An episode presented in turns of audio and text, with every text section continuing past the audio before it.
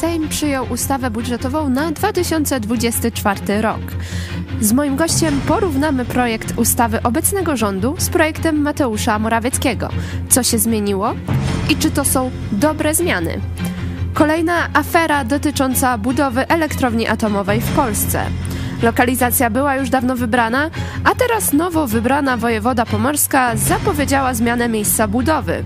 Co prawda, informacja z ostatniej chwili: miejsce nie zostanie zmienione.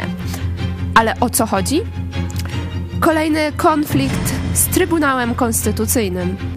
Chodzi o likwidację spółek mediów publicznych. Trybunał stwierdził, że przepisy z kodeksu spółek handlowych są w tym przypadku niekonstytucyjne. W odpowiedzi Ministerstwo Kultury wydało oświadczenie, że orzeczenie jest wadliwe i nie będzie miało wpływu na procesy likwidacji. Kto ma rację i kto wygra? Politico umieściło Andrzeja Dudę w rankingu parszywej dwunastki polityków w Davos z komentarzem, że na pewno nie wypowiada się w interesie Polski. Polska znalazła się w tym zestawieniu z takimi krajami jak Rwanda, Kambodża, Azerbejdżan czy Chiny. O tym już dzisiaj. To jest program Idź pod prąd na żywo. Magdalena Fałek, zapraszam. Jesteście przestępcami.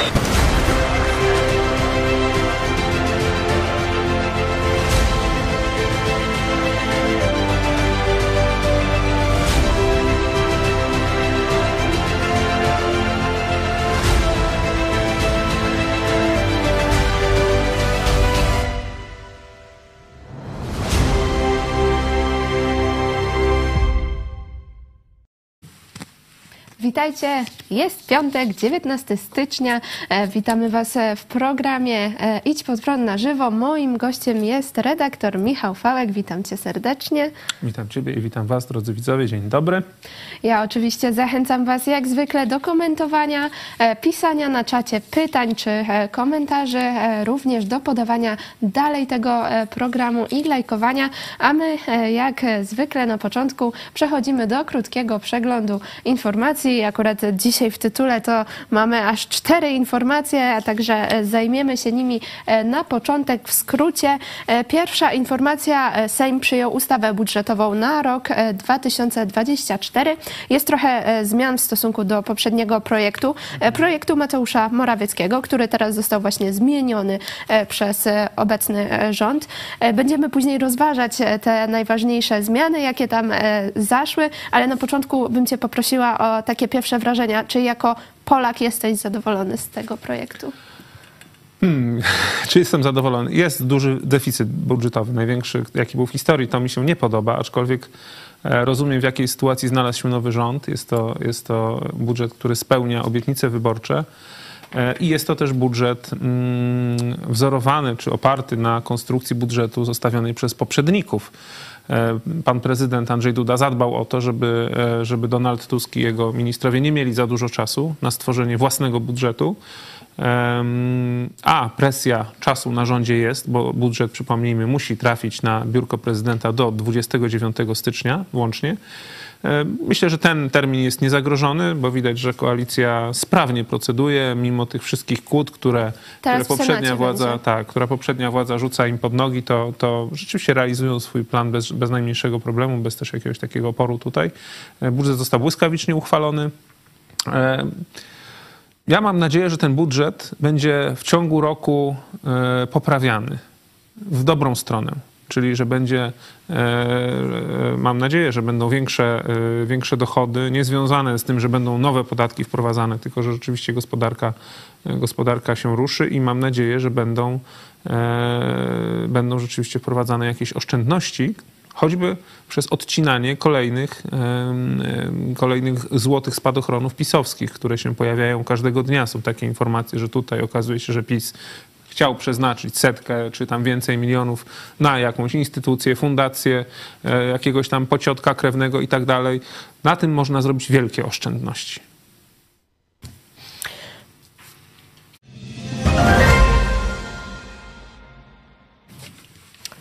Najnowsza decyzja w sprawie e, budowy elektrowni e, w Choczewie e, nie będzie zmiany miejsca. Ministerstwo Klimatu wydało takie oświadczenie, ale o co chodzi w całej tej sprawie? Skąd całe to zamieszanie? I ta ostateczna decyzja jest dosłownie sprzed kilkunastu minut, sprzed około pół godziny i cieszy nas, znaczy mnie cieszy ta, ta decyzja jak wiemy, nie wiem, czy się wy wszyscy nasi widzowie drodzy zgadzacie z tym, ale ja, ja tak uważam, e, elektrownia jądrowa w Polsce jest potrzebna, potrzebna bardzo i jesteśmy już spóźnieni z tą elektrownią o wiele, wiele lat, jeśli nie dziesięcioleci. E, Polska ma najdroższą energię elektryczną w Europie, albo jedną z najdroższych. Gdzieś, załóżmy, są czasami takie zestawienia e, porównujące cenę, e, cenę energii elektrycznej, no to okazuje się, że jesteśmy krezusami, skoro nas stać na tak drogą energię elektryczną. To jest oczywiście no, taki żart przez łzy, natomiast to, że ta elektrownia, pierwsza z, z trzech przynajmniej, powinna zostać zbudowana E, to jest fakt. To, że poprzedni rząd w końcu się za to wziął i tuż, można powiedzieć, na mecie, na finiszu swoich rządów coś w tej sprawie drgnęło. E, były te decyzje lokalizacyjne.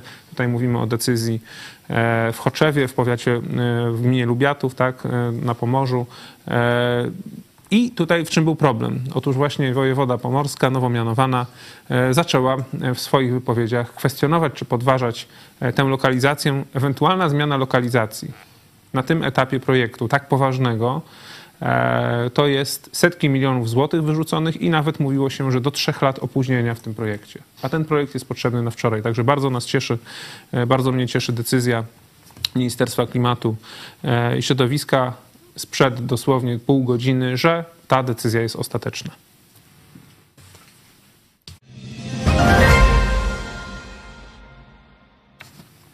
Kolejne orzeczenie Trybunału Konstytucyjnego, które jest kwestionowane przez obecną e, władzę. Ministerstwo Kultury powołuje się na Trybunały Europejskie i nie uznaje wyroku o niekonstytucyjności orzeczenia Trybunału Konstytucyjnego dotyczącego likwidacji spółek mediów publicznych. E, jest... Czy, czy władza zrobi w końcu porządek z tymi trybunałami i sądami, bo tutaj mamy dualizm Że zrobi, że zrobi. Władza, jak widać, robi swoje. Walec jedzie.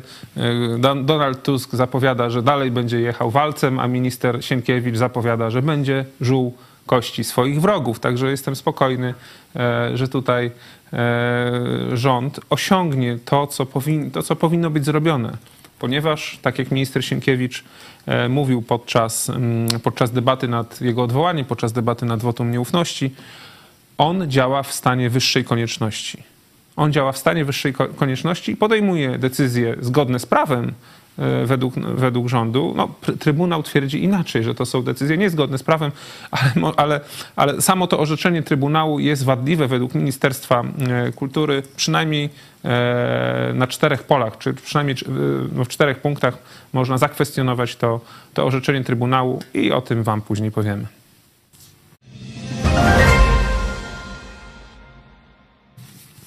Andrzej Duda znalazł się wśród parszywej dwunastki zestawienia zrobionego e, przez Politico.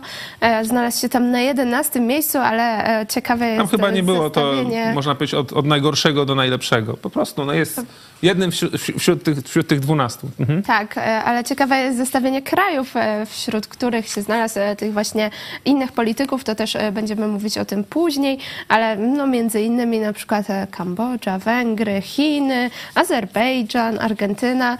Same kraje o ugruntowanej, można powiedzieć, demokracji i, e, i kraje takie, na których wszyscy by się chcieli wzorować oczywiście.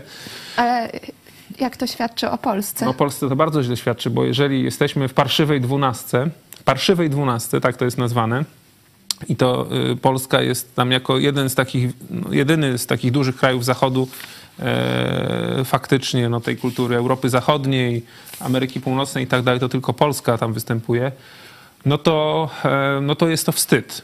To jest to wstyd, na który zapracował właśnie Andrzej Duda. Bo to jest pokłosie tego, co Andrzej Duda wyprawia w ostatnich tygodniach, e, że jesteśmy właśnie w tej parszywej dwunastce, a nie wśród siedmiu wspaniałych.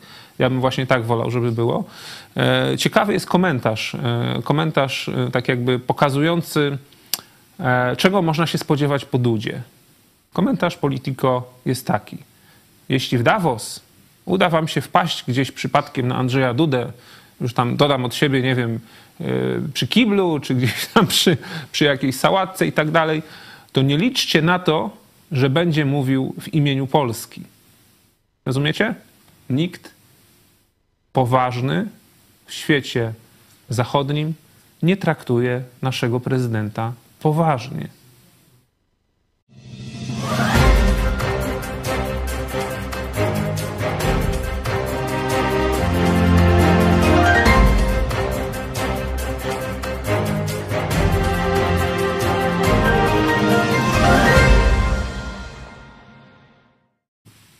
A my teraz przechodzimy do głównej części e, programu.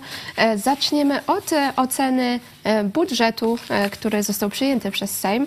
E, Teraz będzie e, procedowany w Senacie, a później e, trafi do podpisu e, przez prezydenta. E, Też może na samym początku, jeszcze zanim przejdziemy do oceny, to e, możemy się odnieść do wypowiedzi Andrzeja Dudy, bo e, już był pytany właśnie e, w Davos, czy, czy podpisze ten budżet, czy będzie robił e, problemy. E, To nie powiedział ani tak, ani nie. Stwierdził, że e, będzie, się że będzie musiał sprawdzić, czy jest e, budżet konstytucyjny i czy e, czy też również e, procedura jego uchwalenia jest zgodna No bo- z konstytucją, ale mówi, że mam na, ma nadzieję, że, że będzie podpisze, mógł że będzie podpisać. podpisać. No teraz, jak Andrzej znaczy co może kwestionować Andrzej Duda? No to, że załóżmy jest obcięte na ten, na, na jego kan kancelarię, mają być obcięte środki? To jest niekonstytucyjność, panie prezydencie? Że będzie miał pan mniej na te homary, łososie i tak dalej, a starczy być może na śledzie, sardynki i szprotki? No wiecie, no... y, Budżet jest stworzony. Rząd ma prawo stworzyć budżet taki, jaki uważa. E, Jest stworzony zgodnie z procedurą, czyli przeszedł czytanie pierwsze, drugie, trzecie w Sejmie, teraz pójdzie do Senatu e, i później będzie e, szedł do podpisu pana prezydenta. No, o co się mogą czepić? No, mogą się czepić, że dwóch posłów nie brało udziału w uchwaleniu budżetu. Że nie mogło brać udziału dwóch posłów, którzy, którzy oni uważają, że są posłami, natomiast e, stan prawny jest taki, że mają wygaszone mandaty poselskie i są w tym momencie nie więźniami politycznymi, tylko politykami w więzieniu. Oczywiście mowa o Wąsiku i Kamińskim. E, No ale nieraz już w, hi- w historii bywało, że tak, że budżet e, był uchwalany no przy, przy, przy niepełnym składzie, można powiedzieć, Sejmu. Dość można przypomnieć budżet uchwalony w sali kolumnowej zapisu, kiedy to część posłów ówczesnej opozycji, dzisiejszy, dzisiejszej e, koalicji rządowej, nie została w ogóle wpuszczona do tej sali kolumnowej i budżet był uchwalony przy w ogóle, no można powiedzieć, tam, tam kilku, no kilkudziesięciu czy nawet ponad stu posłów nie było. Także e, to absolutnie nie jest, nie jest argument. Co może zrobić Duda? Może rzeczywiście budżetu, y, budżet, znaczy nie może budżetu nie podpisać, bo tutaj on by złamał konstytucję. Teoretycznie może, może wysłać budżet. weta. Tak, nie ma tutaj weta. E, Nie ma prawa weta, czyli nie może budżetu zawetować, może wysłać do Trybunału Konstytucyjnego i Trybunał Konstytucyjny ma wtedy dwa miesiące na wypowiedzenie się, czy ustawa budżetowa została uchwalona chyba zgodnie z, z konstytucją, albo nie wiem, co Trybunał sobie wymyśli, bo to później będziemy mówili. Trybunał ostatnio ma przeróżne pomysły na stwierdzenie, e, że, że coś, o czym nie powinien orzekać, jest zgodne lub niezgodne z konstytucją. Także już, już ten Trybunał jest tak samo, myślę, poważnie traktowany przez wszystkich, jak prezydent Duda w Davos. No ale no, taki mamy stan prawny, że ten budżet będzie do niego składany. Najważniejsze, żeby budżet wpłynął do niego do 29 stycznia, bo wtedy nie ma prezydent podstaw do skrócenia kadencji Sejmu. I mm, trzeba jasno powiedzieć, że przekazanie go do Trybunału Konstytucyjnego, e, mimo że będą te dwa miesiące, to też nie jest podstawą do skrócenia kadencji. Tak. I wtedy, wtedy, wtedy e, państwo e, proceduje na podstawie tak zwanego prowizorium budżetowego, czyli w oparciu o budżet historyczny sprzed roku.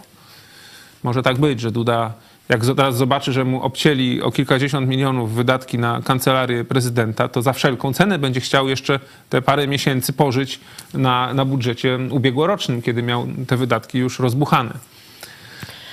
Tak, w takim razie my teraz przechodzimy już do oceny budżetu. Możemy Okej. zacząć od tego, e, co mówiłeś właśnie, e, że jest większy deficyt. Jest e, to większy deficyt w porównaniu do e, projektu ustawy Mateusza Morawieckiego o 19 miliardów złotych. To dużo. Czy to Tutaj źle? mamy dane, możemy wam pokazać dane na temat tego budżetu, dokładne, mamy przygotowaną grafikę.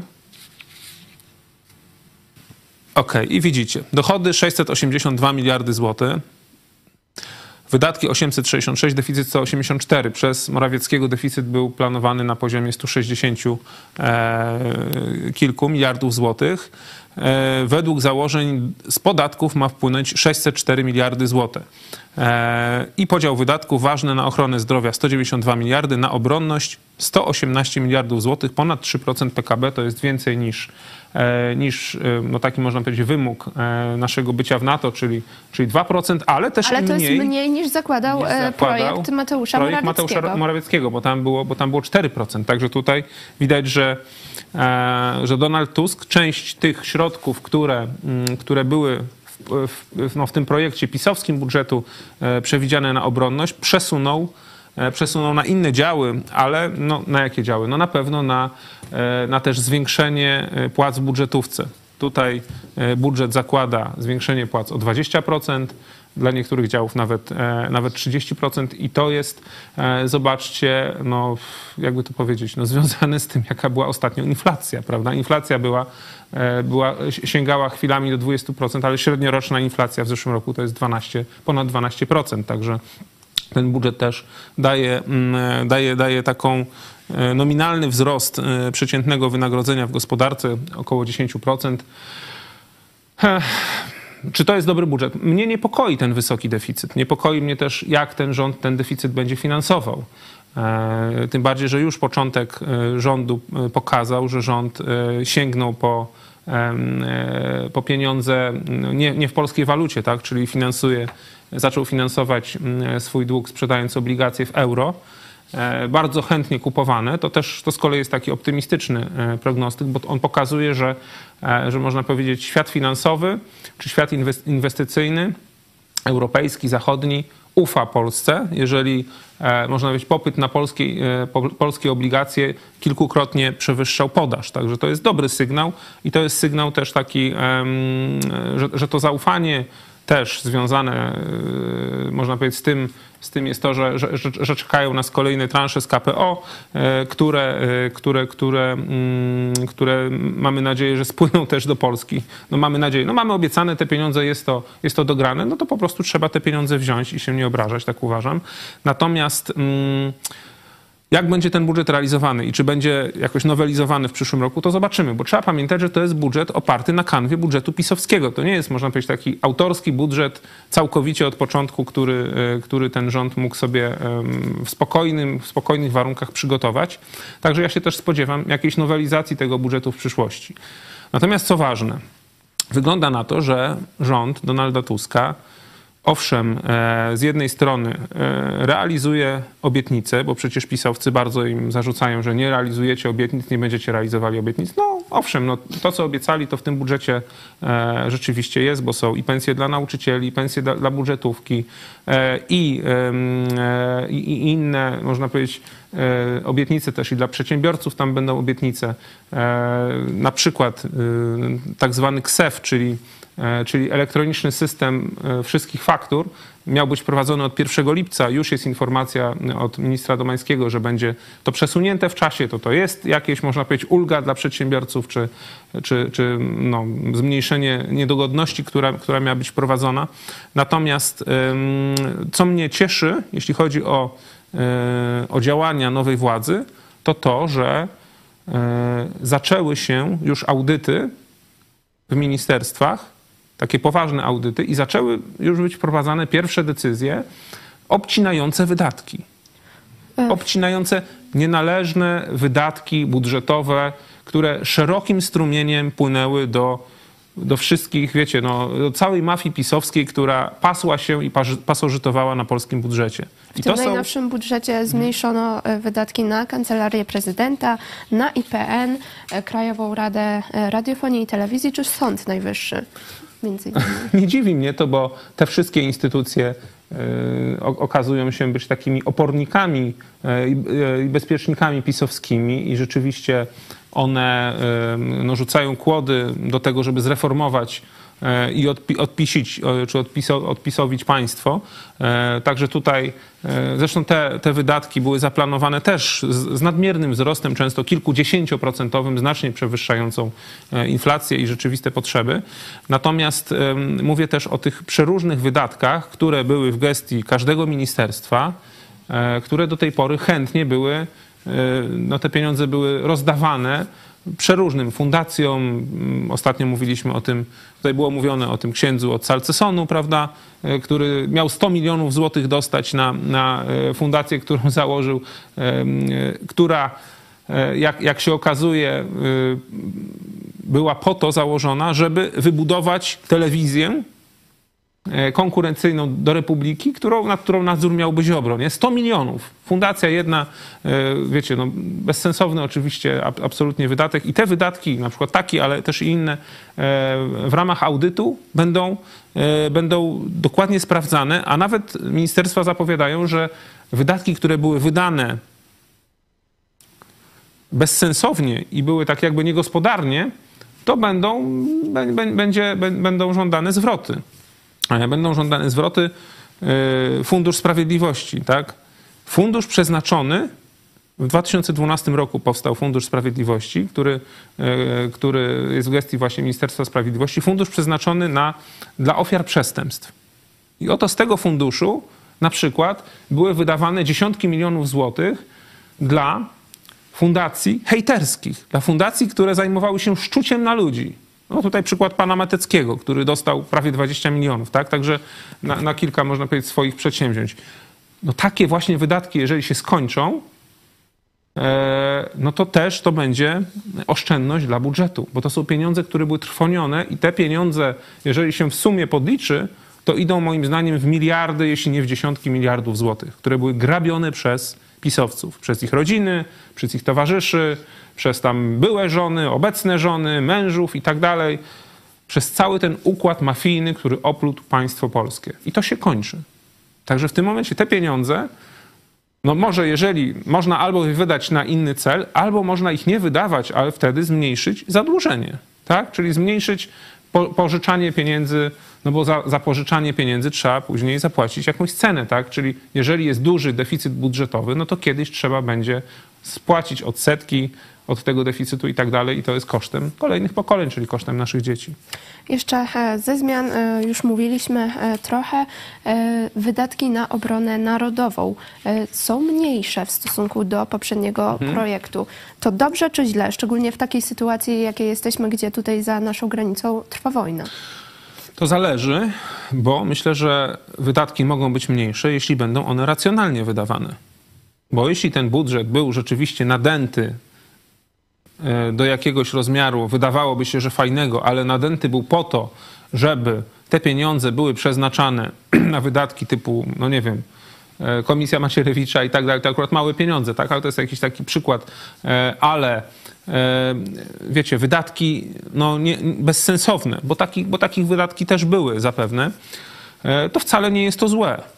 Ważne jest, żeby na rzeczy najpotrzebniejsze E, w dobrej cenie wynegocjowane były pieniądze, żeby też były pieniądze na rozwój polskiego przemysłu zbrojeniowego, bo przecież polski przemysł e, zbrojeniowy e, okazał, okazało się, że ma wiele atutów, czy wiele wspaniałych, można powiedzieć, produktów, które może zaproponować, no, no, można powiedzieć, w całym tym rynku zbrojeniowym, które, się, które okazały się świetne na wojnie w Ukrainie. Tak? Mówię o krabach, mówię o piorunach, drony, WarMate, tak, co prawda to jest prywatna firma, ale y, też można pomóc ją rozwinąć, prawda, żeby rzeczywiście to były hity eksportowe e, polskiego przemysłu obronnego.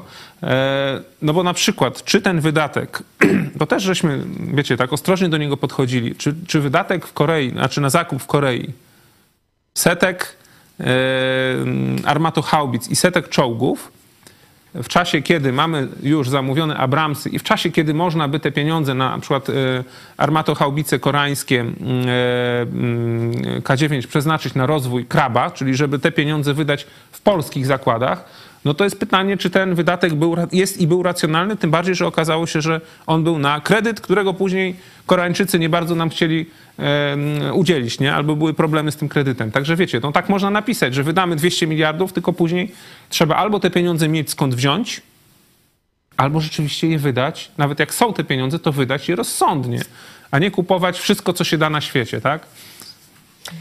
Z kolejnych e, jeszcze e, zmian e, rzeczy budżet na ten rok zakłada utrzymanie kosztu obsługi długu publicznego na poziomie 66 miliardów złotych, a nie tak jak było oczekiwane 80-100 miliardów złotych, czyli jest to mniejsza kwota. Co prawda tutaj specjaliści się wypowiadają, że to też dzięki zakończeniu trochę wojny prawnej z Unią Europejską. Mhm jeszcze z kolejnych rzeczy rząd zdecydował się e, przedłużyć zastosowanie na przykład tarczy antyinflacyjnej mm -hmm. i innych takich e, rozwiązań. Uważasz, że to dobry pomysł? Dla przedsiębiorców? No ja najchętniej to bym, e, to bym funkcjonował w czymś takim, w takim państwie, żeby nie było tych tarcz, tylko żeby były naprawdę niskie podatki i możliwość e, no, takiej wolnej konkurencji, bez koncesji, bez jakichś tam obostrzeń i tak dalej. Przypomnijmy, e, ta pierwsza ustawa gospodarcza Mieczysława Wilczka z przełomu lat 80. i 90., no to ona się mieściła na jednej kartce papieru, tak, można powiedzieć. I ona rzeczywiście dawała wolność gospodar gospodarczą i wtedy Polska się rozwijała. Także dla mnie. No, czy, czy dobrze, że są tarcze? No może i dobrze, że są tarcze, ale może zróbmy tak, żeby nie trzeba było tych tarcz wprowadzać, tak? Czyli, czyli raczej starajmy się tak proaktywnie e, gospodarkę prowadzić, żeby ona była konkurencyjna bez jakichś tam dodatkowych tarcz, e, ulepszeń dla jednych, a dla innych, e, bo to jest tak, że wiecie, no z tarcz często korzystają ci, którzy się lepiej na tym znają, na jakimś tam, którzy mają dojścia w urzędzie, którzy są bardziej sprytni, a inni, którzy tacy nie są, no to nie dostaną tarczy i muszą jeszcze ciężej pracować, żeby sprostać konkurencji tych, którzy tarcze dostali. Także ja, ja jestem generalnie za tym, żeby, żeby warunki były równe dla wszystkich, żeby one były uproszczane, tak, upraszczane, czyli żeby podatki były obniżane, żeby były równoważone, na przykład żeby stawka VAT była ujednolicona, żeby może zamiast podatków dochodowych, wiecie, no, przeróżnych, tak, w różnych e, stopniach i tak dalej, mówię tutaj też o podatkach dla firm, e, żeby w ogóle zastanowić się na przykład nad podatkiem od obrotu, który jest prosty, który wiecie, no jakby zmniejszył biurokrację, jakby, jakby wtedy zmniejszyła się ta czapa urzędnicza, która też jest później związana z obliczaniem tych podatków, z zastanawianiem się z jednej strony, jak dzięki optymalizacji podatkowej jak najmniej płacić, a druga strona z kolei y, się zastanawia, jak tych, którzy optymalizują, tak docisnąć, żeby jednak więcej z nich wycisnąć i tak dalej, nie? że to jest cała, cały czas taka walka państwa z przedsiębiorcami. Nie? Ci jak przetrwać i nie dać się za bardzo ograbić, a państwo jak właśnie zrobić, żeby te dochody budżetowe były jak największe. Generalnie jesteśmy w takim zagmatwaniu e, systemu podatkowego, które utrudnia prowadzenie biznesu. I tutaj też myślę, że ważne jest, żeby i na to liczymy, no, że, że, nowy rząd, który, no, dla którego przedsiębiorcy, czy któremu przedsiębiorcy generalnie dają duży kredyt zaufania, żeby on rzeczywiście stworzył taką, takie środowisko biznesowe, e, gdzie, gdzie, przepraszam, gdzie inwestorzy chętnie przyjdą inwestować w Polsce, duże firmy, e, na przykład amerykańskie, Tutaj właśnie e, takie dochodziły informacje, że, ta, mm, że Amerykanie z tego Intela, nie? Gdzie, gdzie mówiliśmy w zeszłym roku o wielkiej inwestycji Intela, bacznie się przyglądają nowemu rządowi, no i tak się zastanawiają, czy, czy to nie, e, czy powiedzmy nowy rząd będzie przyjazny dla takich inwestycji. Dlaczego to mówię? Dlatego, że największym bezpieczeństwem Polski, czy może moim, moim zdaniem nie największym, ale równie ważnym zabezpieczeniem dla Polski, jak na przykład to, o czym przed chwilą mówiliśmy, czyli o wydatkach na armię, jest to, jeśli w Polsce zainwestują potężne pieniądze Amerykanie, Kanadyjczycy, Japończycy, inwestorzy z Europy Zachodniej. Bo jeżeli oni zainwestują tutaj duże pieniądze, wiecie, liczone w miliardach dolarów, to będą później bronić swoich inwestycji. I to jest, wiecie, yy, zabezpieczenie przed, przed zakusami rosyjskimi. Bo jeżeli oni tutaj wejdą z dużymi pieniędzmi, a tutaj trzeba im po prostu dać warunki do, do, do, prowadzenia biznesu. No, tak jak Irlandia w pewnym momencie stworzyła warunki dla biznesu i szybko stała się zieloną wyspą biznesową, najbogatszym, można powiedzieć, naj, krajem o największym dochodzie w Europie, e, no to przecież Polska też może iść w kierunku stwarzania jak najlepszych warunków do prowadzenia tutaj biznesu. Mówimy to, to w kontekście budżetu, ale to jest no, szerszy temat gospodarczy. I tutaj też docierają e, do nas ciekawe propozycje, głosy od naszych widzów, przyjaciół. Dziękujemy za nie. E, to też nam pomaga, czy mi pomaga lepiej zrozumieć tę sytuację. Teraz może właśnie e, bym przeszła do kilku głosów, ale jeszcze może na samym początku oddajmy głos Donaldowi Tuskowi, który się właśnie wypowiedział na temat tego budżetu. Dla naszej telewizji, dla Czarka? Mamy ten budżet, a dla mnie to jest wielka satysfakcja, bo to jest rzeczywiście, jak ktoś powiedział na sali, budżet dla ludzi. Te ostatnie chwile to była dyskusja, czy więcej ma dostać IPN, Krajowa Rada Radiofonii, Kancelaria Prezydenta, czy więcej pieniędzy ma pójść na, na dzieci, na choroby rzadkie, na telefon zaufania dla dzieci, zagwarantowanie wypłaty 800+, podwyżki dla nauczycieli, czy podwyżki dla y, sfery budżetowej. To nie, to nie była wypowiedź dla telewizji Idź Pod Prąd, ale Donald Tusk tutaj mówił e, o tym, że to jest budżet dla ludzi. Czy zgadzasz się z tym? Tak, to oczywiście tutaj się zgadzam, że tak jak się widzi, e, jak ten budżet jest skonstruowany, to rzeczywiście jest to budżet dla ludzi. E, to w takim razie jeszcze kilka głosów z naszego czatu. Dariusz Niedźwiecki. Mnie niepokoi, że w ogóle jest deficyt. Rozumiem, że jest taka sytuacja, jaka jest, ale powinniśmy być, o, powinny być oszczędności. O, tak. Choćby e, subwencja dla partii politycznych powinna być e, zabrana. O tym nikt nie mówi. To by było wspaniale, jeżeli Polska by miała budżet e, zrównoważony, tak? jeżeli by nie było deficytu budżetowego, albo nawet jeżeli byłaby takim krajem, który by miał, e, wiecie, no, przychody większe niż, e, niż wydatki i mógłby akumulować środki na przykład na zabezpieczenie emerytalne ludności i tak dalej. Przecież nas czeka wielki kryzys e, Funduszu Ubezpieczeń Społecznych, który, e, wiecie, za 10-15 lat będzie, będzie wielką kulą, można powiedzieć, u nogi każdego kolejnego budżetu. Natomiast no niestety nie jesteśmy krajem typu Norwegia, czy nawet, wiecie, Rosja była takim krajem, dopóki Putin nie, nie, nie, nie, nie wszczął wojny, to była krajem, który przecież akumulował e, wielkie, wielkie środki w takim funduszu, można powiedzieć, właśnie dla zabezpieczenia przyszłości e, Rosjan, który już tam jest prawie przejedzony, już tam ponad w połowie i tak dalej. No ale w krajach rozsądnych typu Norwegia to rzeczywiście, no tak można funkcjonować. No ale wiecie, to trzeba po prostu spać na ropie, a a Polska nie jest tutaj póki co tak, tak, bogatym krajem, żebyśmy coś może nowego odkryli, co mamy, e, co mamy w ziemi, co, co Bóg Polsce dał, to wtedy e, może by rzeczywiście tak było. Na razie to musimy cierpieć i jakoś, wiecie, no, zrzymać się na takie budżety i mieć nadzieję, że rzeczywiście sytuacja gospodarcza, czyli rozwój gospodarczy, wzrost PKB i tak dalej, pozwoli nam, żeby kolejne budżety były ze zmniejszanym czy tak zmniejszanym radykalnie deficytem. Jeszcze Grzegorz Dolecki pisze, jest prosty mechanizm zmiany gospodarczo-podatkowej, wypłacać pensje brutto pracownikom i niech sobie sam płaci składki, podatki, ZUSy i inne. E, dwa, cena netto na półce sklepowej brutto przy kasie. To otrzeźwi ludzi na 100%. tak jest na przykład w Ameryce Północnej, że ma, ma się cenę netto, a później trzeba jeszcze podatek zapłacić i wtedy wiadomo, że ten podatek, wow, to ja jeszcze muszę ten podatek zapłacić. Tylko, że na przykład tam, gdzie ja byłem w Kanadzie, to ten podatek wynosi 5%. Tam jest 5% VAT na przykład w tej prowincji akurat. No a u nas jakby ktoś rzeczywiście um, szedł z, z, czymś, co jest napisane, że kosztuje 100 zł, a musiał zapłacić 123, to by ludzie zaczęli to rozumieć, tak? Bo rzeczywiście badania są takie, że wiele osób myśli, że oni nie płacą podatków.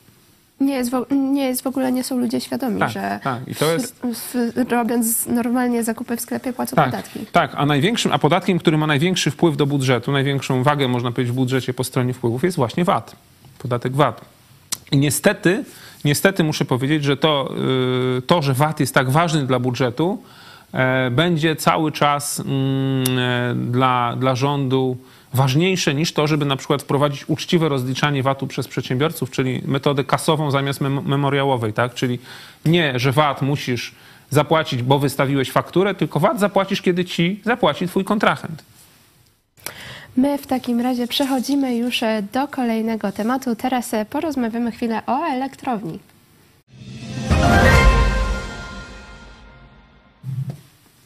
Cała ta sytuacja, zamieszanie, e, już e, mówiłeś e, o co chodzi, ale jeszcze chciałam dopytać, jak myślisz, dlaczego w ogóle to wszystko się wydarzyło? Tutaj są sugestie, że to jest gra polityczna przed samo, wyborami samorządowymi. Czy zgadzasz się z tym? Niewykluczone, że tak, choć naprawdę dziwi mnie, dziwi mnie ta sytuacja, czyli to co, to, co zrobiła pani Rutkiewicz, bo e, no, wywołała taką, taki niepokój nie? i trochę zamieszania w sprawie, w której wydawało się mamy konsensus narodowy. Bo to, że Polska Bo już wcześniej były dyskusje na ten temat, gdzie tą elektrownię budować, ale zostały, e, w, to były wcześniej, e, ale zostało już ustalone, że to będzie Choczew i tam też e, zos- zostały, zaczęły trwać przygotowania. Tak, w Choczewie, w Choczewie już, e, już jest teren ogrodzony, już wycięto 30 hektarów lasu, już mają być rozpoczęte pierwsze odwierty, jakieś takie mm, technologiczne związane z, z przygotowaniem do produkcji, także tam już zostały też wydane duże pieniądze. Zresztą uzyskanie e, całej decyzji środowiskowej, pozwoleń na budowę takiej, no takiej mega inwestycji, to są rzeczywiście lata, tak? Czyli w tym momencie powiedzenie tak lekko, że o, zastanawiamy się, czy tutaj u nas w Choczewie to zrobimy, czy może nie gdzieś indziej, tak?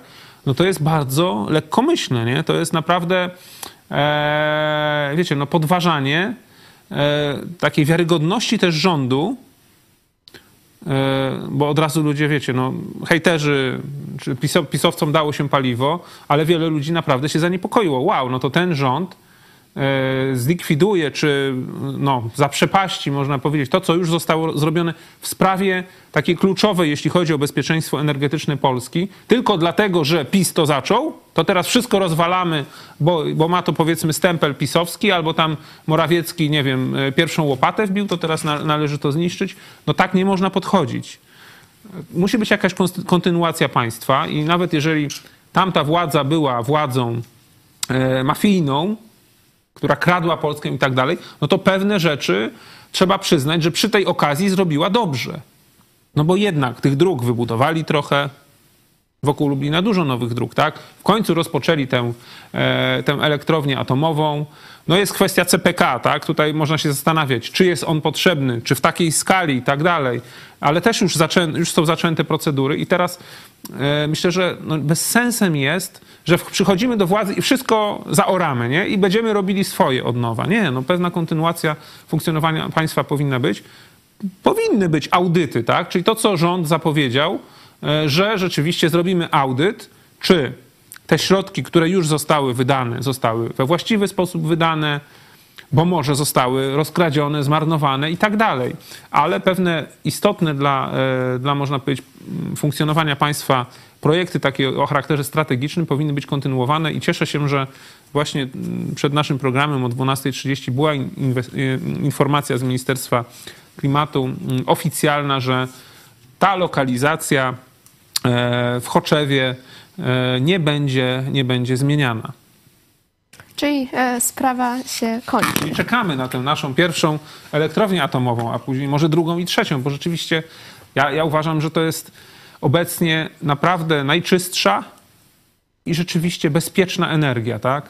Owszem, no były w historii, e, w historii te dwa wypadki, e, jeden w Czarnobylu, no ale tutaj to rzeczywiście jak ktoś obejrzał film czy serial, no to widać jak, jak rosyjskie procedury, czy można powiedzieć, to właśnie e, ruska mentalność mia, miała też tutaj znaczenie, że doszło do czego, do, do, do czego doszło. Natomiast no, ten wypadek w Fukushi- Fukushimie, no to on był związany tak naprawdę z trzęsieniem ziemi i z uszkodzeniem, e, z uszkodzeniem e, elektrowni, no, w, w, można powiedzieć, w następstwie kataklizmu, e, który jest trudny do przewidzenia. Natomiast Polska jest miejscem bezpiecznym, jeśli chodzi o na przykład właśnie trzęsienia ziemi. Także tutaj nam, nam nie grozi, myślę, taka, taka katastrofa. Jedynym problemem jest ewentualnie to, co Rosjanie zrobili, zajmując w Ukrainie elektrownię atomową i tutaj prowadząc wojnę, e, no, prowadzą do eskalacji i do możliwego, mm, do możliwego jakiegoś kolapsu w elektrowni i, i rzeczywiście incydentu takiego nuklearnego. Natomiast to jest jedynym, to, to jest jedynym, no takim można powiedzieć, czy warto iść w tę stronę, ale myślę, że no tutaj państwo powinno zadbać o bezpieczeństwo na granicy, zadbać o silną armię, a, a, a energetykę jądrową e, po prostu rozwijać, bo to jest energia też i tania, tak? Czyli to jest też tani prąd w przyszłości dla polskich firm, dla polskich gospodarstw. To jest też odejście od węgla, tak? czyli jednak jakaś taka poprawa, e, można powiedzieć tutaj, tej kwestii e, zanieczyszczenia i tak dalej. E, no to nie chodzi o to, żeby w ogóle zrezygnować z węgla. No tutaj można iść w, w kierunku innych technologii, czy na przykład zgazowania podziemnego węgla, czyli te, technologii takich efektywnego wykorzystania tego bogactwa naturalnego. Natomiast niezależnie od tego rozwój energetyki jądrowej jest czymś, co powinno państwu polskiemu przyświecać. Ja jestem za tym, żeby tych elektrowni nie było tylko ta jedna, na technologii amerykańskiej pierwsza, ale żeby była i na technologii koreańskiej. I co ważne, tutaj ciekawe, właśnie Koreańczycy są w Polsce, czyli widać, że rząd będzie, będzie prowadził rozmowy na temat pewnie już drugiej elektrowni. No i jeszcze jest technologia francuska i tutaj z kolei e, no ten rząd e, myślę, że się nie będzie obrażał na Francuzów, tak jak poprzedni rząd.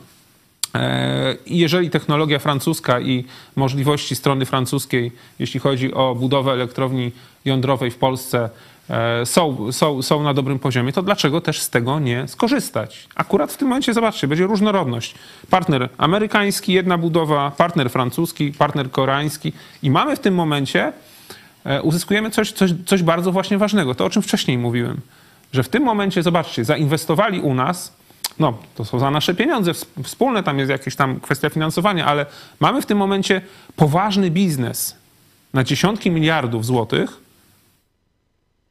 z partnerem ze Stanów Zjednoczonych, poważny biznes na dziesiątki miliardów złotych z partnerem z Unii Europejskiej i trzeci poważny biznes z partnerem z Dalekiego Wschodu, z kraju, e, który też jest przecież sojusznikiem. I to właśnie jest formuła, która daje nam zabezpieczenie też, y, jeśli chodzi o geopolitykę taką globalną, bo ci partnerzy... My jesteśmy zależni się... od e, jednego. Tak, tak. A zależność od jednego i to jakiegoś, wiecie, jeszcze e, popapranego, no to jest to, co teraz ma Orban, tak? Że budują, rozbudowują elektrownie z ruskimi, no i teraz są, można powiedzieć, na, na smyczy ruskich. My będziemy przechodzić e, teraz do kolejnego tematu. Porozmawiamy teraz o konflikcie z Trybunałem Konstytucyjnym.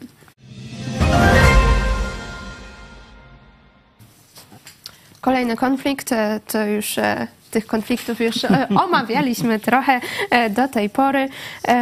Teraz chodzi o likwidację spółek mediów publicznych, czyli radia, telewizji mhm. polskiej.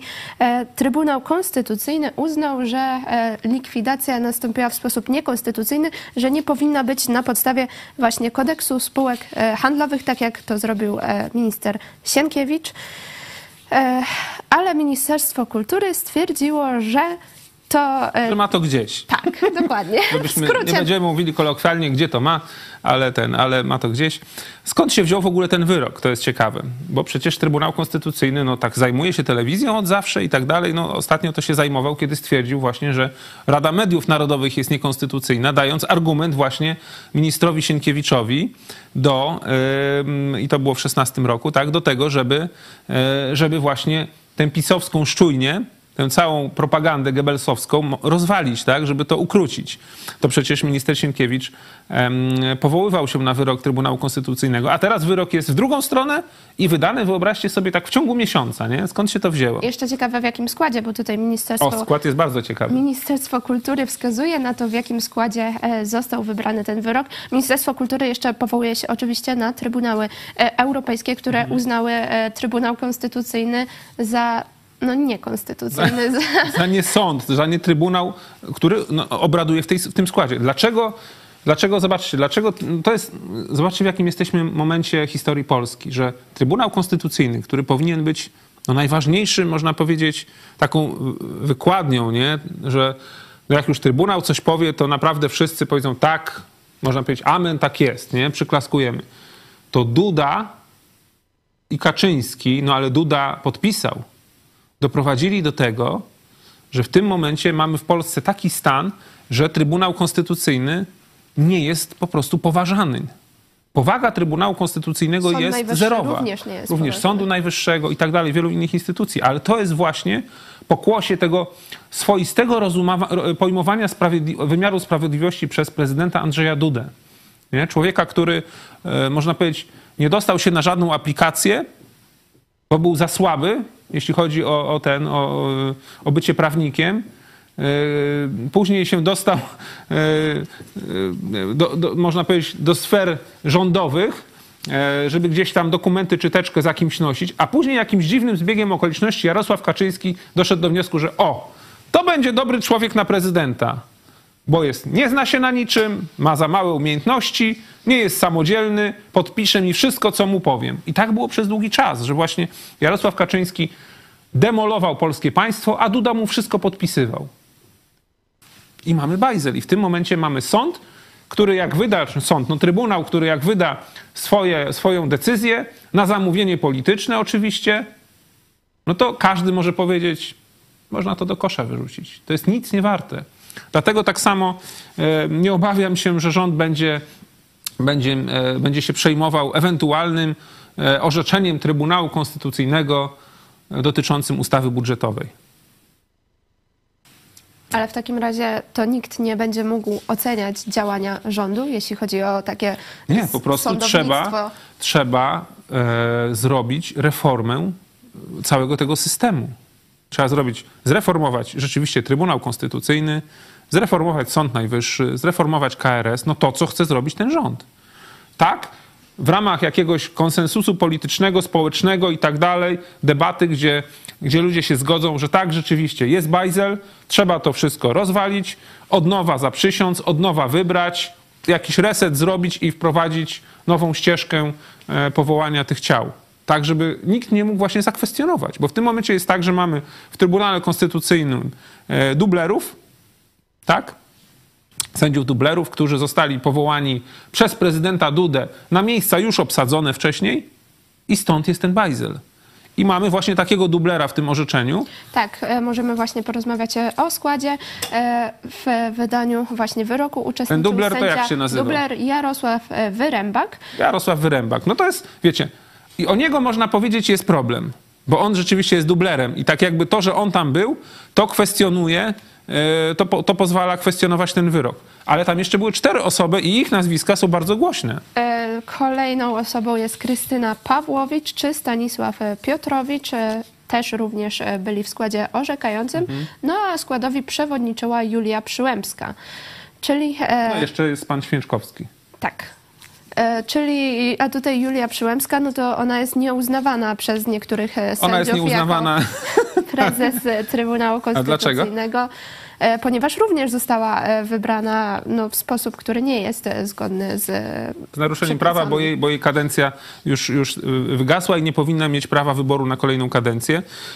Pan Święczkowski to jest przecież też funkcjonariusz PiS. No, pani Przyłębska no, to jest przyjaciółka Kaczyńskiego, nie?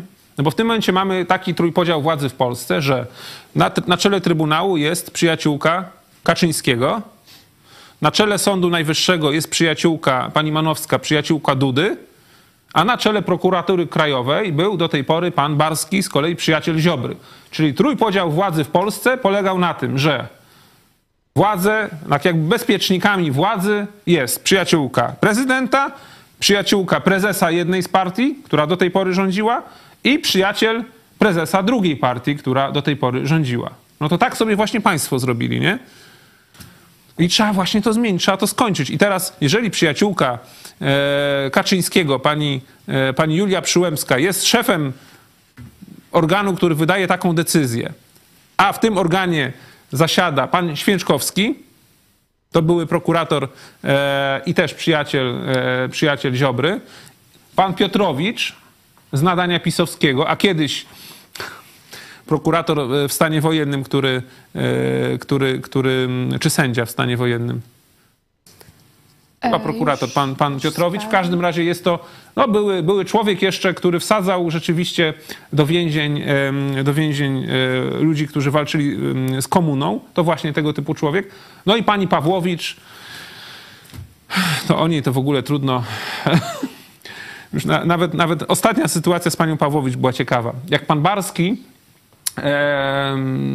dostał od prokuratora generalnego Adama Bodnara decyzję o tym, że nie jest prokuratorem krajowym, ponieważ nie został powołany w prawidłowy sposób, ale został powołany z uchybieniem obowiązującego prawa, w związku z czym nie pełni e, funkcji e, prokuratora krajowego, to co zrobił? Wziął dokumenty, poleciał do Trybunału Konstytucyjnego, a tam pani Pawłowicz oderwała się od jedzenia sałatki, wzięła, klepnęła mu wyrok, zabezpieczenie, prokurator generalny nic nie może zrobić, pan Barski jest najlepszym prokuratorem krajowym w historii Polski, nie można w ogóle tego zmienić. W ciągu jednego dnia. Także widzicie, to jest trybunał, który jest na życzenie, na polityczne życzenie PiSu, który pomaga PiSowi, który pomaga ubetonować państwo i pomaga w walce o to, żeby to państwo uzdrowić. Dlatego taki trybunał nie ma racji bytu. E, tutaj, e, jeśli chodzi o Piotrowicza, to on w trakcie stanu wojennego prokuratorem nie był, ale pracował w prokuraturze. Prokuratorze. Okej. E, ale właśnie sądzisz, że jak szybko te zmiany nastąpią teraz w sądownictwie i prokuraturze? To czeka już nas tak na dniach, żeby właśnie zakończyć ten dualizm prawny? Czy... Znaczy, pewne rzeczy się dzieją, nie? I rząd widać, że po prostu nie przejmuje się. Trochę działa metodą faktów dokonanych, e, tłumacząc to stanem wyższej konieczności. Nie uznaje tych decyzji e, Trybunału Konstytucyjnego, czy wadliwej, wadliwej, e, wadliwej na przykład Izby Sądu Najwyższego i tak dalej. I się nie przejmuje i naprawia Polskę. Ale są jakieś takie jaskółki. No dzisiaj była informacja, że sam zrezygnował z szefowania Krajowej Szkole Prokuratury i Sądownictwa pan E, prokurator Zaradkiewicz, tak? To też taki, można powiedzieć, nominat pisowski. Sam podał się do dymisji. Także może niektórzy e, zobaczą, że lepiej podać się do dymisji i ustąpić i może jeszcze nawet zgłosić się do prokuratury, żeby ten artykuł 60 wypełnić kodeksu karnego, tak? Czyli żeby być świadkiem koronnym. Pamiętajcie, że tu kto pierwszy, ten lepszy. Bo może być tak, że na wszystkich są, że wszyscy byli przestępcami, nie? Pan Giertych wczoraj mówił, przy powołaniu tego, e, między, można powiedzieć, takiego, no, mm, e, no nie, nie, nie, nie jest to komisja śledcza, tylko jest to taka komisja międzyresortowa e, dotycząca mm, no, pociągnięcia do odpowiedzialności pisowców, to zapowiadał, że nawet może setka, setka parlamentarzystów Prawa i Sprawiedliwości pożegna się z mandatami poselskimi. Wyobrażacie sobie? Jakby się okazało, że pod koniec kadencji nie będą tylko dwa kartony, tak, że jest solidarni z Wąsikiem i Kamińskim, tylko prawie cała prawa strona sali będzie w takich kartonach, nie? To by było ciekawe. To było ciekawe. E, Damian I wtedy, Górnik... jakby stu, a zobacz, jakby stu straciło mandaty poselskie i Jarosław by zabronił, chociaż Jarosław też może być wśród tych, tych stu, i by uznali, że nie obsadzają nowych mandatów, no to wtedy byłoby 360 posłów, Zgadza się? Rząd miałby dalej 248, mogliby każde weto prezydenta wtedy odwołać, nie? Ale powinni obsadzić jednak e, tych nowych. No, zaproponować. Można, ja nie mówię, żeby nie, nie proponować, no ale jak ktoś nie chce przyjąć, no to w końcu, bo to jest tak, że proponujemy kolejnemu, nie chce, bo Jarosław zabronił. Proponujemy kolejnemu, nie wolno mi, bo Jarosław zabronił. W końcu kończy się lista i marszałek stwierdza, ten mandat jest nieobsadzony do końca kadencji. I tyle. E, Damian Górnik e, tutaj odnosi się do e, tego trójpodziału władzy, o którym ty mówiłeś, a nowa władza skończy to w ten sposób, że na te stanowiska da swoich przyjaciół i będzie trójpodział jak ta lala. O właśnie nie, panie Damianie. Myślę, że nie, bo zobaczcie, co obiecał, co obiecał pan Bodnar i tutaj trzeba trzymać go za słowo. Obiecał, że jeszcze w tym tygodniu przedstawi projekt ustawy o z powrotem rozdzieleniu funkcji ministra sprawiedliwości i prokuratora generalnego. To zapowiada nowa władza. Publicznie to zapowiedzieli. No to jeżeli pan tak twierdzi, panie Damianie, że będzie tak, jak było zapisu, no to mamy, mamy władzę, która mówi, nie, nie będzie jak zapisu, zrobimy dobrze, tak? Zaproponujemy rozdzielenie tych stanowisk. Trzeba ich teraz trzymać za słowo. Tego się od nich domagać. Niech zrealizują te zapowiedzi, wtedy nie będzie tak jak zapisu. Także czekamy na realizację tych zapowiedzi. Zobaczymy e, w kolejnych właśnie dniach, e, tygodniach. E, a jeszcze jak jesteśmy już przy Ministerstwie Kultury, to może wrzućmy trochę humorystyczny wątek. A. Tutaj minister Sienkiewicz wczoraj w mediach publicznych, no nie tylko publicznych, w mediach pojawiły się. I tak dalej. Tak, pojawiły się zarzuty. spekulacje co minister Sienkiewicz Miał w folice. miał w foliowym woreczku. Że tam jakąś kreskę kokainy miał, żeby się, wiecie, sztachnąć przed tym, przed swoim wystąpieniem. Widzicie tutaj? Telewizja e, Republika zrobiła cały reportaż na ten temat, co tam mogło być, No. z wszelkimi e, domniemaniami. I nawet zapytali się ministra, co tam robił, tak? Tak, właśnie możemy puścić e, fragment, jak odpowiada minister Sienkiewicz. Gdy zapytaliśmy Bartłomieja Sienkiewicza, co było w woreczku, słyszymy. Żyłem kości swoich wrogów. Także Podoba mi się humor ministra taka, Sienkiewicza. taka odpowiedź. E, ale co sądzisz o całej sytuacji? No tam miał po prostu zwiniętą koszulkę na dokumenty, w, w, można powiedzieć w kostkę, tak okazało się. Także wiecie, to jest robienie, e, no szuk- to jest właśnie, wiecie, szukanie, żeby się przyczepić, żeby, żeby nasrać na niego, nie? Żeby napluć, żeby obrzydzić tego człowieka. A on co robi? Żyłem kości swoich wrogów. I piękne słowa powiedział e, minister Sienkiewicz podczas swojego wystąpienia, ośmiominutowego podczas tej debaty. Naprawdę polecam wam, znajdźcie sobie to, to wystąpienie.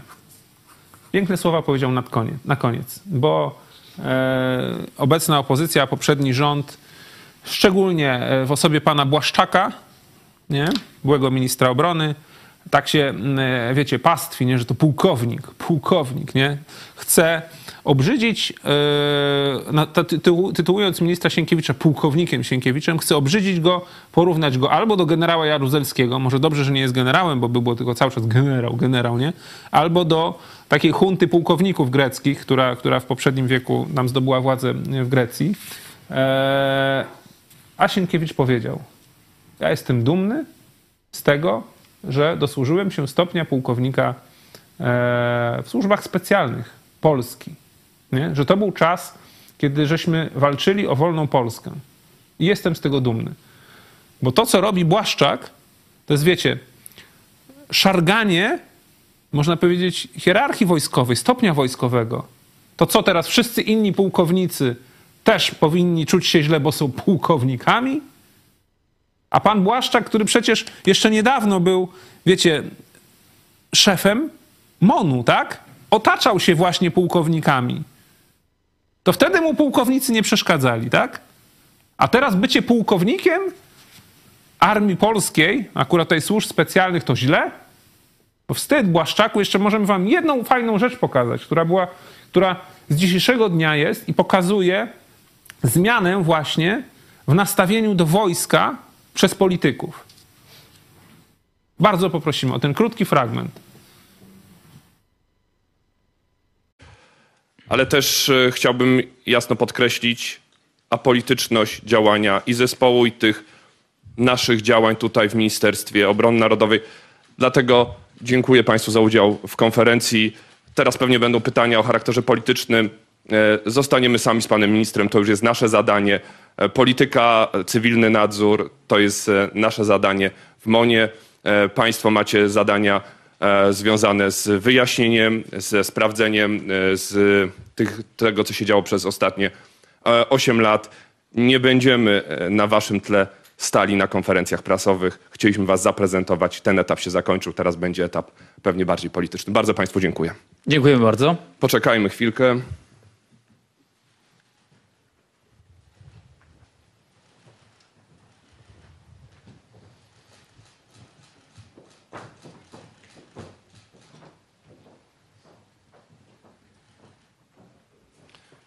I zapraszamy do pytań teraz. A można przypomnieć, e, jak e, wcześniej e, Jarosław Kaczyński się prezentował właśnie na tle żołnierzy polskich i właśnie Tak. uprawiał politykę. przy- Podpierając się mundurem. Dokładnie. To jest piękna zmiana, wzruszająca dla mnie. Tak powinno być. To była konferencja prasowa, gdzie premier Kosiniak-Kamysz razem z wiceministrem Tomczykiem zaprezentowali e, opinii publicznej, przedstawili e, członków no, takiej komisji, która będzie powołana na kilka miesięcy do końca półrocza. e, Taki zespół do oceny, do, do sprawy oceny funkcjonowania podkomisji do, do, do Macierewicza, tak? czyli do zbadania e, katastrofy czy zamachu smoleńskiego. E, Była ta konferencja, zaprezentowano tych wojskowych, żołnierzy, ekspertów. To są ludzie, co ciekawe, często z 20-30-letnim doświadczeniem w wojsku, w badaniu przeróżnych właśnie katastrof i tak dalej, wypadków lotniczych. Czyli to są rzeczywiście eksperci. E, Co ciekawe, że w komisji Macierewicza nie było żadnego eksperta w tej dziedzinie, tak? w dziedzinie właśnie e, wypadków lotniczych. E, Także tutaj zap- zaprezentowano tych ekspertów, a kiedy był czas na pytania od dziennikarzy, to minister powiedział: Wojskowym dziękujemy, przedstawiliśmy was, proszę bardzo, idźcie do swoich zadań. My tutaj z e, kolegą wiceministrem sami odpowiemy na tle flag, na tle planszy, a nie na tle ludzi w mundurach na pytania dziennikarzy. To mi się podoba, taka zmiana. To jest, patrzcie, jak wtedy, to jest takie wzorowane na takiej historii, która miała miejsce w Australii, tak? Tylko tam było jeszcze inaczej, bo tam polityk już zaczął odpowiadać na pytania na tle ludzi w mundurach i podszedł do niego oficer wysoki, generał czy ktoś i mu szepnął na ucho. Polityk, wiecie, się żachnął, zawstydził, wojskowi wyszli i wtedy dalej odpowiadał. A tutaj jest tak, jak być powinno. I to jest dla mnie dobra zmiana akurat. Tak być powinno. Widzicie, macie ten fragment.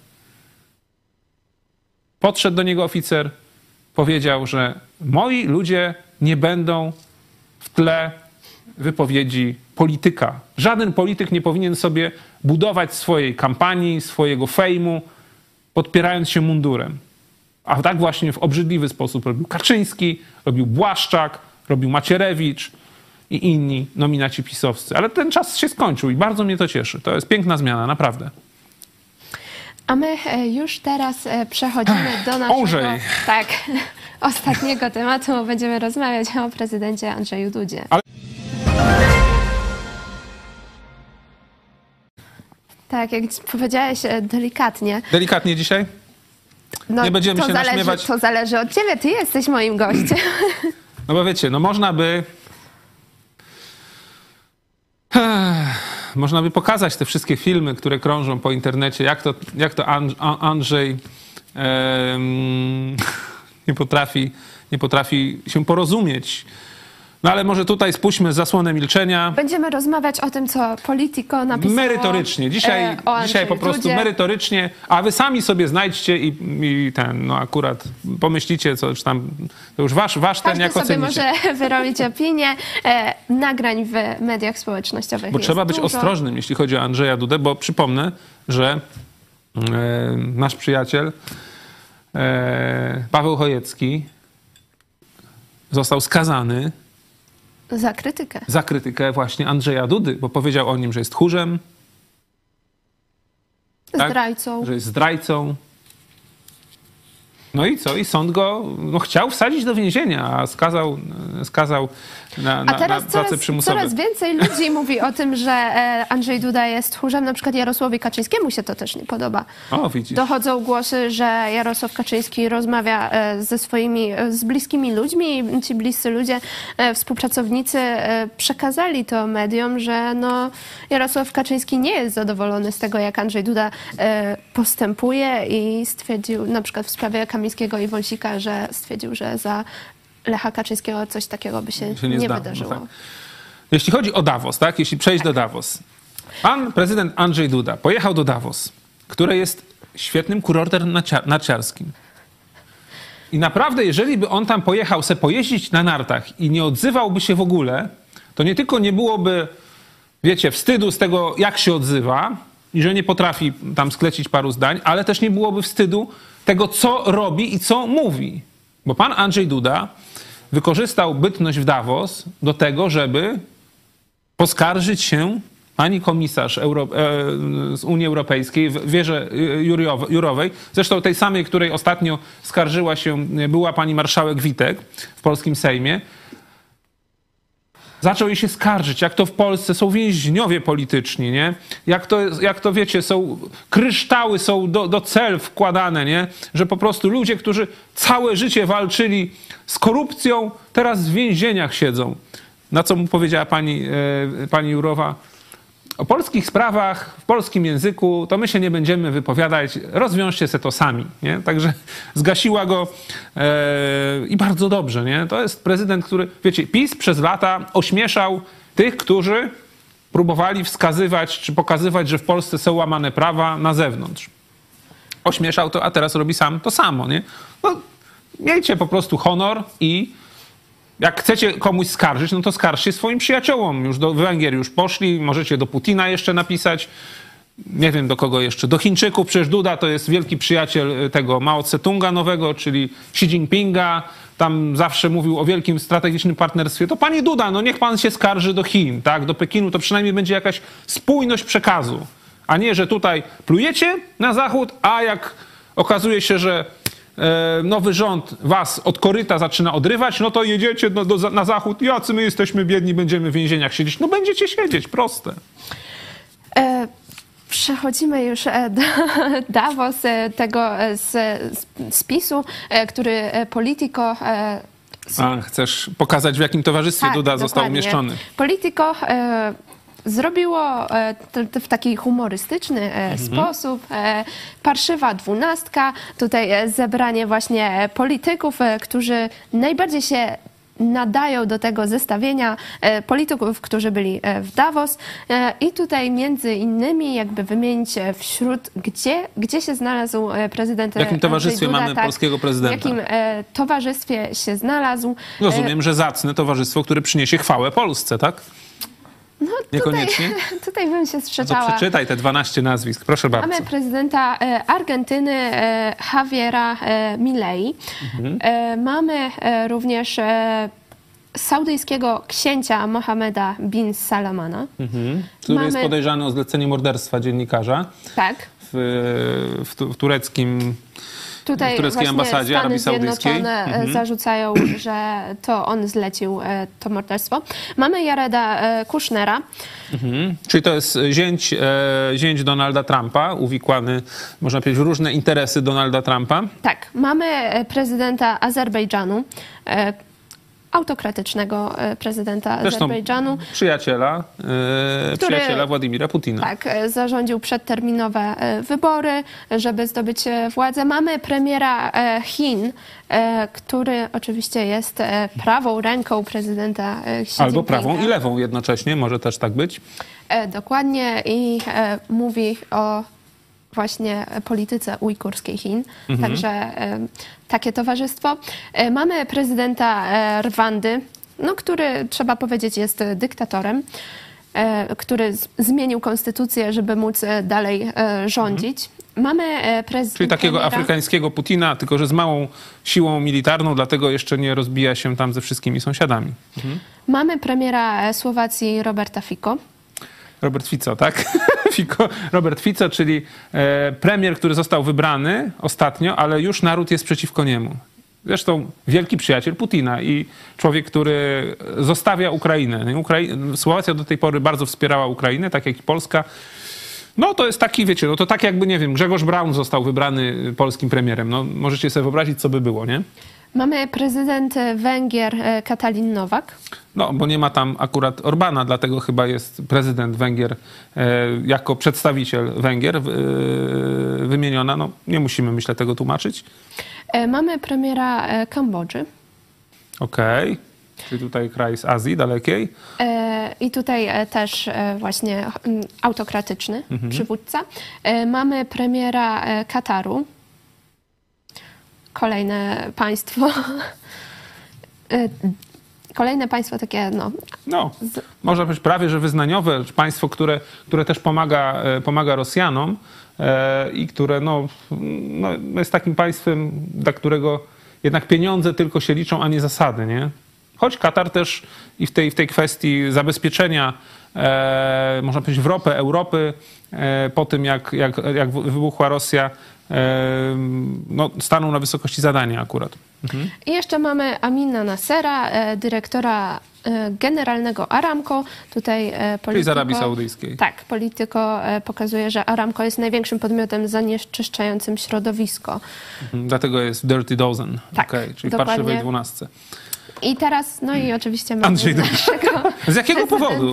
Andrzeja e, Dudę. E, To właśnie tutaj samo Politico stwierdza, że no tutaj porównując do tych wszystkich innych w zestawieniu, no to to tak trochę że tu się znalazł, to może się wydawać dziwne, bo nie jest ani dyktatorem, ani Mhm. nie napadał sąsiadów, jak niektórzy, ani e, tutaj nie, nie wyskakiwał na scenę z piłą łańcuchową, jak Mhm. e, pierwszy w tym zestawieniu e, argentyński e, przywódca. Ale, Ale? stwierdzają, że prezydent Andrzej Duda to jest człowiek wczorajszy, nie tych czasów i e, mimo, że zmieniły się rządy w Polsce, to prezydent e, Duda stara się jak może e, przeszkadzać e, w rządzeniu e, Przeszkadzać w wprowadzeniu dobrych zmian. tak, aktualnemu rządowi, korzystając między innymi e, z prawa weta, czy e, Harboring Udzie- convicted lawmakers, to jest dobre. udzielając schronienia, udzielając e, schronienia skazanym. Jest takim portem, bo harbor to port, jest portem, przystanią dla e, skazanych, czy tych, na których ciążą, ciążą e, zarzuty posłów, no, prawo, prawodawców de facto.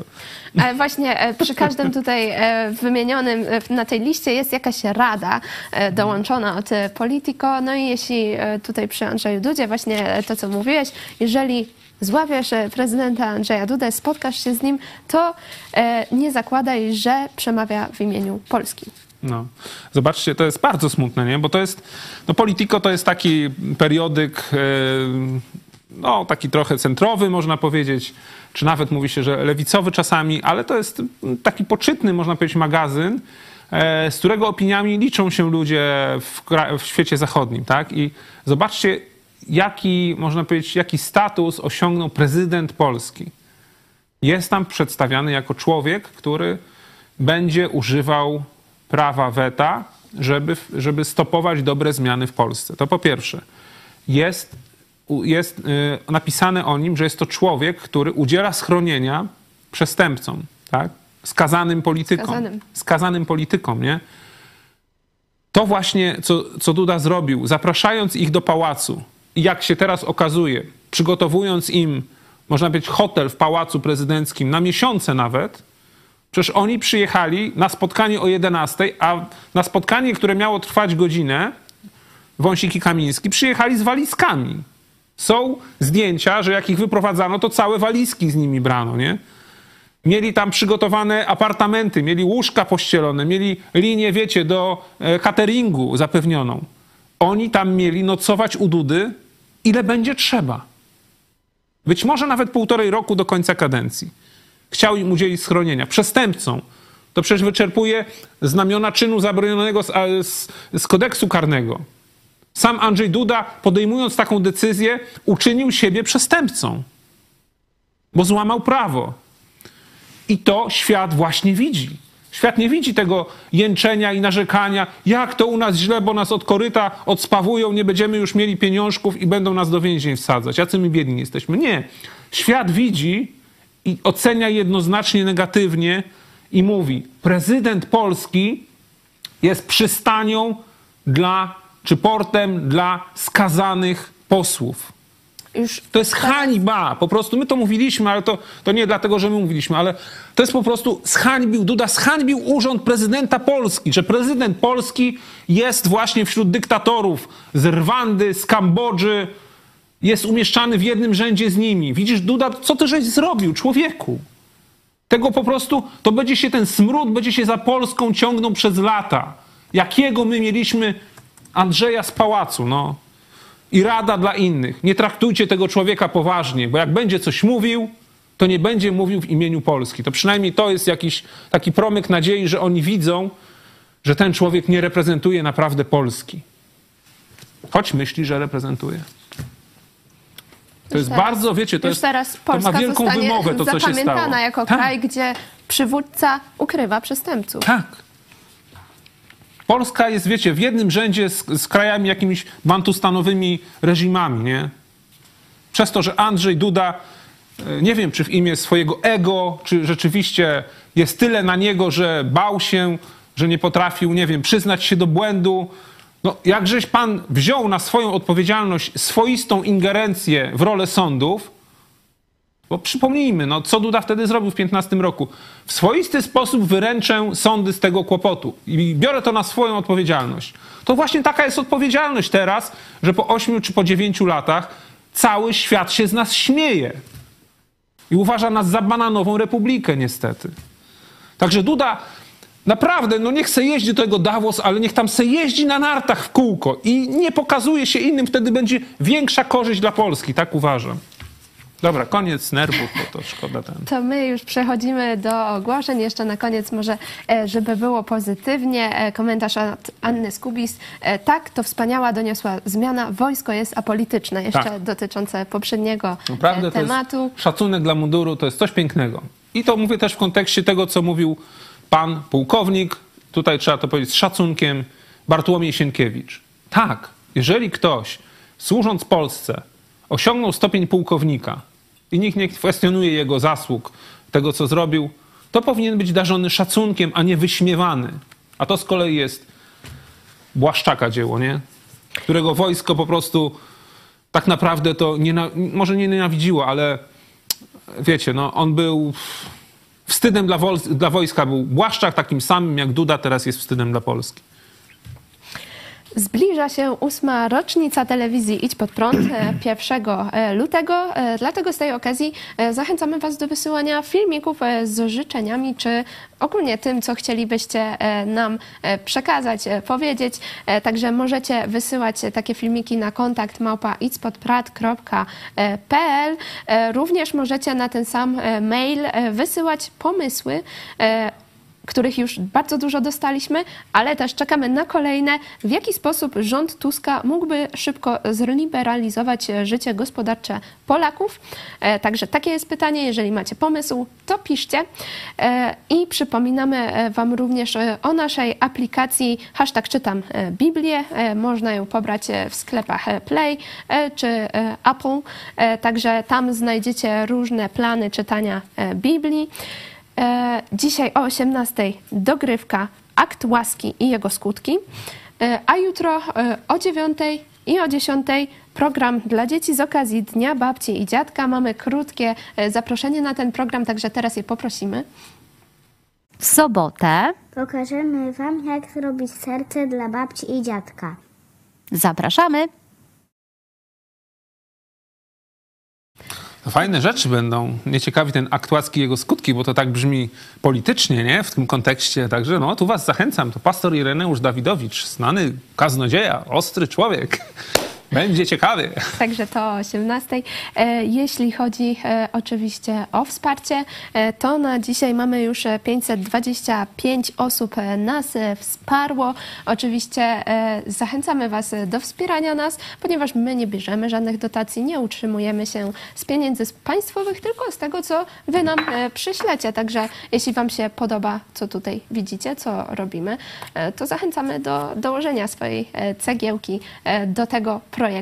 E, Wszelkie informacje e, znajdziecie na stronie itspodprat.pl wsparcie, tam Was odsyłam. Różne sposoby wsparcia e, mamy, także jeżeli chcecie, to zachęcam do zajrzenia tam. A my już się będziemy żegnać. Żegnać. No cóż, trzeba się żegnać. Dziękuję za udział w programie, za komentarz. Był ze mną redaktor Michał Fałek. Dziękuję Ci bardzo. Dziękuję Tobie, dziękuję Wam, drodzy widzowie. Do zobaczenia. Ja również e, dziękuję Wam, że byliście z nami. Dziękuję za komentarze e, i pytania, e, również za lajkowanie tego programu. No i widzimy się o 18. Do zobaczenia.